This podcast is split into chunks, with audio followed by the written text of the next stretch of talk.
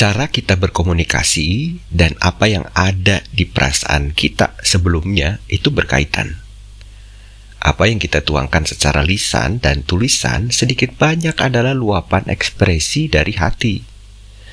Jika hati sedang senang, intonasi dan isi dari kata-kata kita menggambarkan kesukacitaan.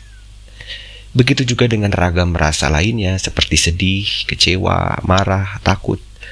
Semuanya akan kelihatan melalui intonasi dan pilihan kata-kata kita.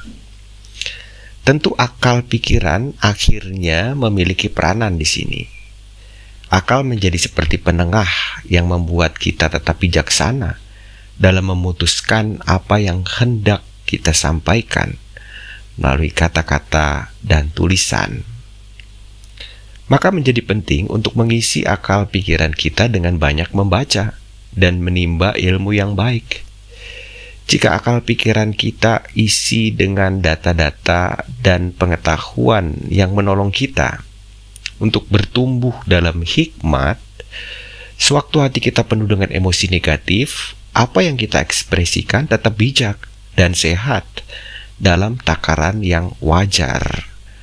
Artinya, tetap dapat menjaga pola relasi yang mendamaikan dengan Allah dan sesama ciptaannya.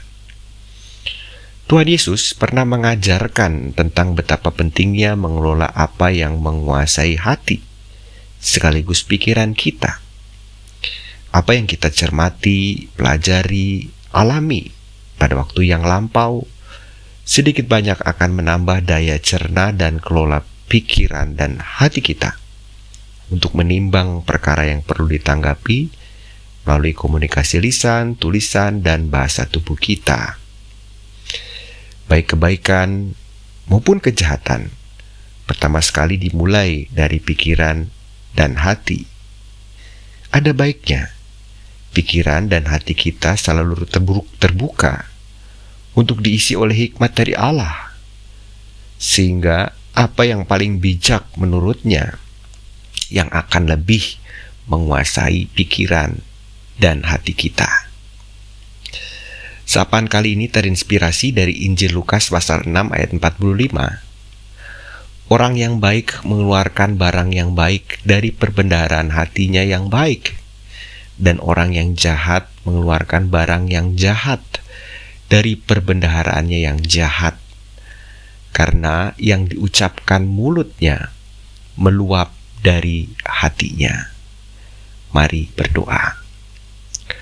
Kuasailah pikiran dan hati kami dengan hikmat kasih-Mu ya Allah, sehingga apa yang kami katakan dan perbuat tidak serampangan, sembarangan, dan keji terhadap sesama. Amin.